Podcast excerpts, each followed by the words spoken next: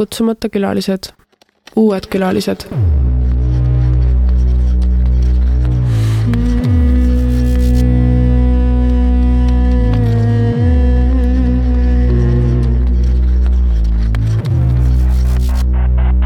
seitseteist tuul ja torm. see peab väga hästi paika. tuul ja torm oli see aasta kindlasti. mu seitsmeteistkümnes eluaasta algas tegelikult väga hästi. Kolisin enda kaaslasega kokku ja võtsime kaks kassi, kelle abil õppisin, et alati saab rohkem närvi minna, kui juba oled. elasime ilusas korteris head elu. paremaks ei saanudki minna hea osa sellest eluaastast lõppes aga juba paari kuuga. tulin töökohas suure jamaga ära ja see mõjus mu vaimsele tervisele kohutavalt. sain ülemuselt konstantselt kõnesid, meile ja sõnumeid, mille sisu polnud mitte kuidagi okei okay ega eetiline. pidin lõpuks võtma enda kaela süü, mis poleks tegelikult tohtinud seal rippuda, aga olin lõpuks emotsionaalselt nii kurnatud, et olin nõus ühe ebaõigluse sammu tagasi astuma, et see kõik lõpeks. veetsin nädalaid lihtsalt kodus, võimetu midagi tegema ma olin masenduses ja vaimse tervise mõjul ka pidevalt füüsiliselt haige. kogu aeg oli paha olla ja pea valutas. kui lõpuks terror lõppes, olin kergendatud, aga ikka halvas kohas. proovisin ennast lohutada juuste värvimise ja üldiselt välimuse muutmisega, sest seestpoolt ei osanud ma ennast kuidagi muuta. arstiaeg oli alles paari nädala pärast ja mul polnud endaga nii kaua mitte midagi peale hakata, nii et istusin lihtsalt kodus ja olin oma lombis muutusin selle ajaga ka täiesti töövõimetuks ja tundsin ennast kõige kasutuma inimesena maailmas. Tavalisele masendusele hakkasid lisanduma imelikud kõrvalmõjud, mida ma kunagi kogenud polnud. tere tulemast, skisofreenia, psühhoosid ja isiksushäired. seitsmeteistaastane roosade juustega Maria oli väsimusest nurka nii kühmu tõmbunud, et ei jaksanud uutele külalistele teedki pakkuda aga neil polnud sellest lugu. Nad sättisid ennast majulohkudesse mugavalt sisse, et end ööpäevaringseks tööks vaimselt valmis panna hm,. vaimselt. Neid külalisi poleks ma elu sees enda ukse taga näha oodanud. olin neist lugenud, kuulnud, aga polnud kunagi oma silmaga näinud või kogenud. aga siin nad nüüd olid, ebaviisakalt mu peas trampimas.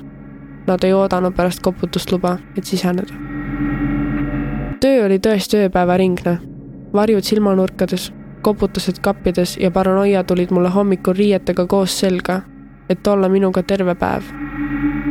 magama jäädes seadis ärevus ennast minu ja mu partneri vahele sisse, et minuga jutustada, kuni ma enam magada ei tahtnud. ma polnud ise arugi saanud, kui palju ma muutunud olin. ma olin enne selle perioodi algust olnud näiteks väga hea eneseanalüüsija nüüd ei saanud ma kunagi aru, mis mu peas toimus, mida ma mõtlesin või tundsin. Kõik oli segamini, nagu oleks mu peas korraga hästi palju asju, aga samal ajal mitte midagi. Lähenemas oli arstiaeg. üldiselt lasin neid üle, kuni sain omast käest aru, milline privileeg see aeg juba ise on. ja ma olin sellises seisus, kus ma lihtsalt pidin arstile minema. seekord läksingi ilusti kohale, rääkisin arstile ausalt kõigest tema vaid noogutas ja vaatas mind kulmu kortsutades, pea kallakil. Ta polnud mind mitte kunagi niimoodi vaadanud. rääkisin talle külalistest, kes kapiustega kolistavad, minuga jalutavad ja räägivad ja ka psühhoosidest, kus tegin tühjade silmadega asju, mida ise pärast ei mäletanud. see vastuvõtt kestis terve igaviku. ta hakkas küsima küsimusi nagu, kas nad räägivad sinuga otse? mida nad sulle ütlevad? sain täpselt aru, mida need küsimused tähendavad. Sain haigla järjekorda ja uued rohud. võtsin rohte nädal aega ja siis hakkasin kartma nende kõrvalmõjusid, kuna need olid päris tugevad. lõpetasin rohtude võtmise ja jäin ootama haiglasse minekut, mis polnud kindlasti parim otsus, mille teinud olen. külalised olid muutunud kaaselanikeks ja toimetasid elavalt edasi, sokid laiali ja nõud kraanikausis rohtudelt mahatulek andis neile uut energiat, mida tundsin oma värisevates kätes. Ootasin haigla järjekorras kaks kuud. olin maru vihane selle olukorra peale. oleksin vabalt võinud ennast selles järjekorras oodates ära tappa. nüüd mõistan, mis koormuse all arstid ja haiglad on ning olen endas selle teemaga empaatiat kasvatanud, kuid siis olin endast väljas. see tegi üldises pildis terve mu olukorra hullemaks ja empaatia oli pigem taandarengus. kahe järjekorras oodatud kuu jooksul läks kõik aina hullemaks. Psühhoosid intensiivsemaks, hakkasin ennast lubadesse luku taha panema ja vigastama.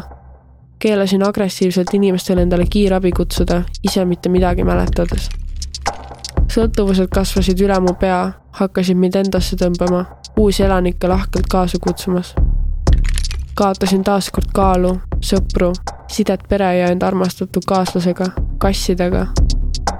olin selleks hetkeks täiesti sajaprotsendiliselt töövõimetu. Tekitasin endas vastikust sellega, et ei suutnud ennast ise üleval pidada. reaalne taandarengu tunne.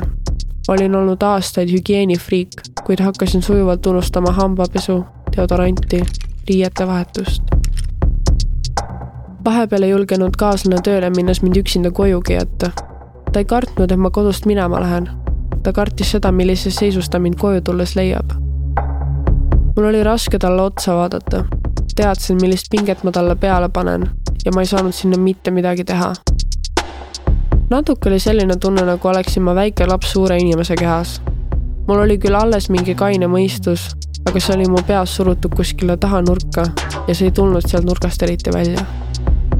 nurgas on mugav, ma tean. sain kõne esimesel detsembril. olin kolmandaks detsembriks haiglas. Haiglasse jõudes võeti mu kotid ning paberid allkirjastades küsiti. sa tulid siia vabatahtlikult, jah? nojah, ju vist.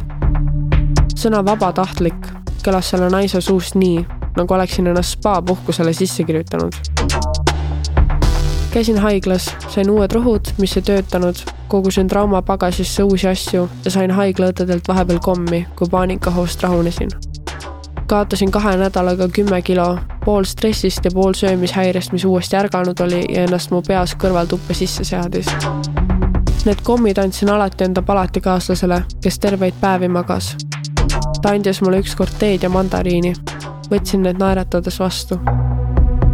praegu sellele ajale tagasi mõeldes ei mäleta ma tegelikult suurt midagi, kuna iga kuuga läksid olemasolevad probleemid aina hullemaks. Las ma räägin sulle, mis tunne on olla täiesti lõpus või selle kõrval jalgu kõlgutada. nõutu. sul on lihtsalt nii paha olla, et sa ei oska midagi teha ma olen tunde lihtsalt voodis istunud, silmad pahupidi, suu lahti, ila välja voolamas ja lihtsalt tühja vahtinud. sest sees toimub nii palju, et on vaja ühte pikka hetke, et ennast koguda. aga tegelikult sa isegi ei kogu ennast, vaid lihtsalt oled. sarnane olukord, kui tõmbad ennast kivist üle ja oled nii pilves, et kõik hakkab paanikasse ajama ja paha on olla. siis sa tunned seda kõike enda ümber, kõike on liiga palju ja raske on ennast maandada. tunne on sarnane, aga kõik toimub seespool keegi teine nagu juhiks su aju. sa ei saa peatada seda sigimist, mis seal on, ega saa ka midagi muud teha. nii et pead selle lihtsalt ära vahtima. Mu kaaslane tegi minust pilti, kui ma sellises seisus olin. ja see on üks hirmsamaid pilte, mida ma näinud olin. see oli keegi teine, kes nägi välja nagu mina. ma nägin välja, nagu oleksin ma surnud ta on teinud ka videoid, kui mul on psühhoosid ja kui ma kokku hakkan kukkuma ma ei suuda siiani neid pilte ja videoid vaadata. täiesti haiglane on vaadata ennast käitumas täiesti teistmoodi. nagu teiselt planeedilt. seda on võimatu seletada. Need asjad juhtuvad ikka veel, aga pärast aastat olen õppinud nendega elama. psühhoosid on ikka ja alati sama hirmsad ning peeglisse vaatamine ja enda nägemine viib mind endiselt päris tihti rivist välja sest need on haigused, mida manipuleerida ega taltsutada ei saa. või siis ma ei oska veel. Nendega tuleb lihtsalt õppida elama. pean leppima ka sellega, et kaheksateistkümne aastaselt olen sunnitud olema rohtudel, et igapäevaste tegevustega hakkama saada mul ei ole häbi. mu vanaemale meeldib ikka öelda, ära siis endast räägi, eks. aga miks? ma just nimelt räägin endast, sest mul on midagi öelda ja ma ei karda seda teha. me oleme kõik sarnasemad, kui me arvame, samas ka erinevamad, kui arvame. keeruline, eks? ela üks päev minu peas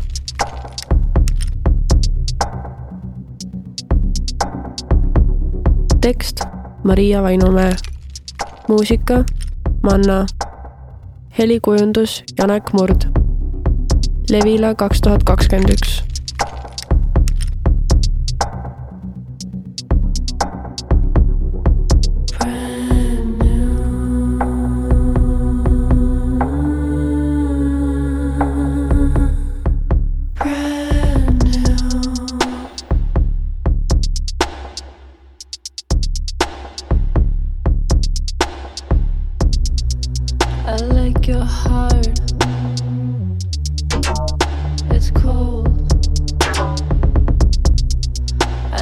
your jewelry.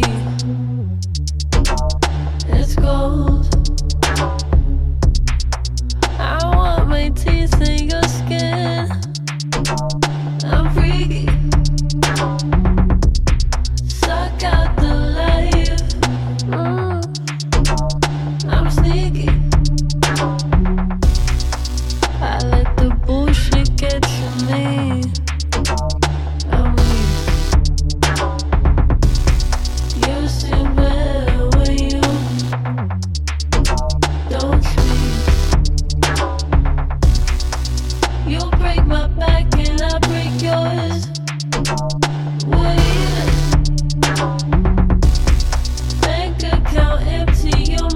But.